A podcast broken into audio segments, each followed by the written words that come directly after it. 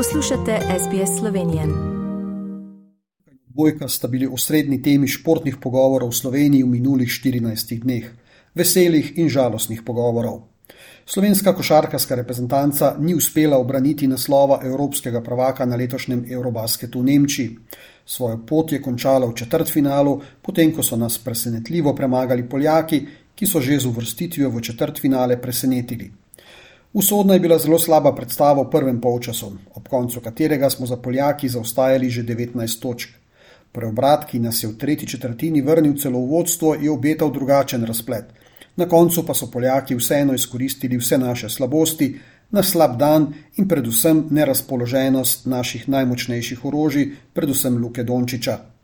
Ta v sredo res ni imel svojega dne, po vrhu pa je ob koncu tretje četrtine prejel celo injekcijo zaradi bolečin v hrbtu. Po tekmi je Luka vso krivdo prevzel na sebe in se slovenski javnosti tudi upravičil za to, da jo je pustil na cedilo. A razpleta ne gre gledati tako tragično.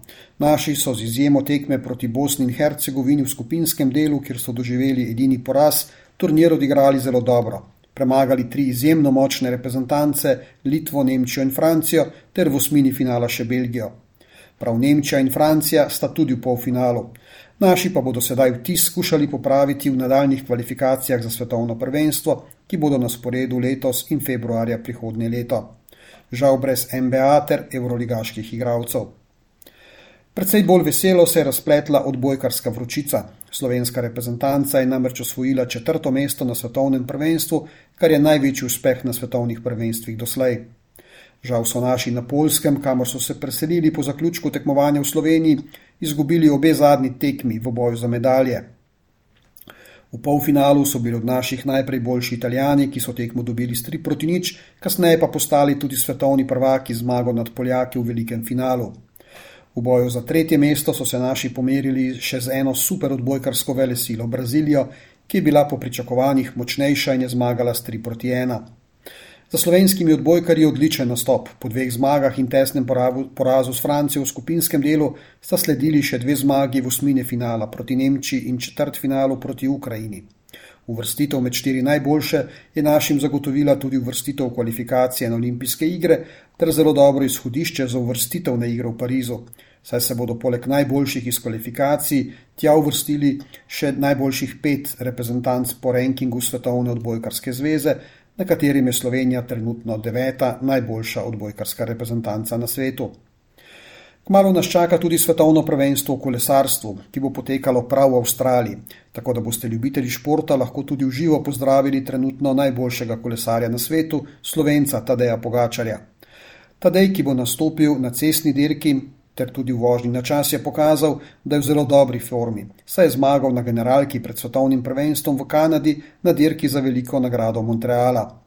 Dirko je dobil v šprintu, kjer je zmagal, premagal največjega tekmeca za prevzem prvega mesta na lestvici Svetovne kolesarske zveze, Belgica Vouta van Arta. Na svetovnem prvenstvu v Avstraliji bo tadej naš glavni adut, Tam ne bo Primoža Rogliča, ki je zaradi paca in poškodb moral prečasno zaključiti dirko po Španiji ter tako ni ubranil zmage zadnjih treh let, prav tako pa tam ne bo tudi Mateja Mohoriča, ki je v času letošnje dirke po Franciji zbolel za posebnim virusom, zaradi česar je posledično v zadnjem času slabše pripravljen. Za konec pa še pogled na državno prvenstvo nogometu. Nogometaši Olimpije so v devetem krogu doživeli prvi poraz in izgubili v celju 4 proti 3 potem ko so že vodili o polčasu z 2 proti nič. Na lestvici imajo še vedno visoko prednost, sedaj 8 točk pred celjem in 9 pred koprom. To je bil pregled športnega dogajanja v Sloveniji, ki sem ga za vas pripravil Tomaš Ambrožič, ki vas prav lepo pozdravljam. Želite slišati sorodne zgodbe? Prisluhnite jim preko Apple ali Google podcasta, preko aplikacije Spotify ali kjerkoli drugje.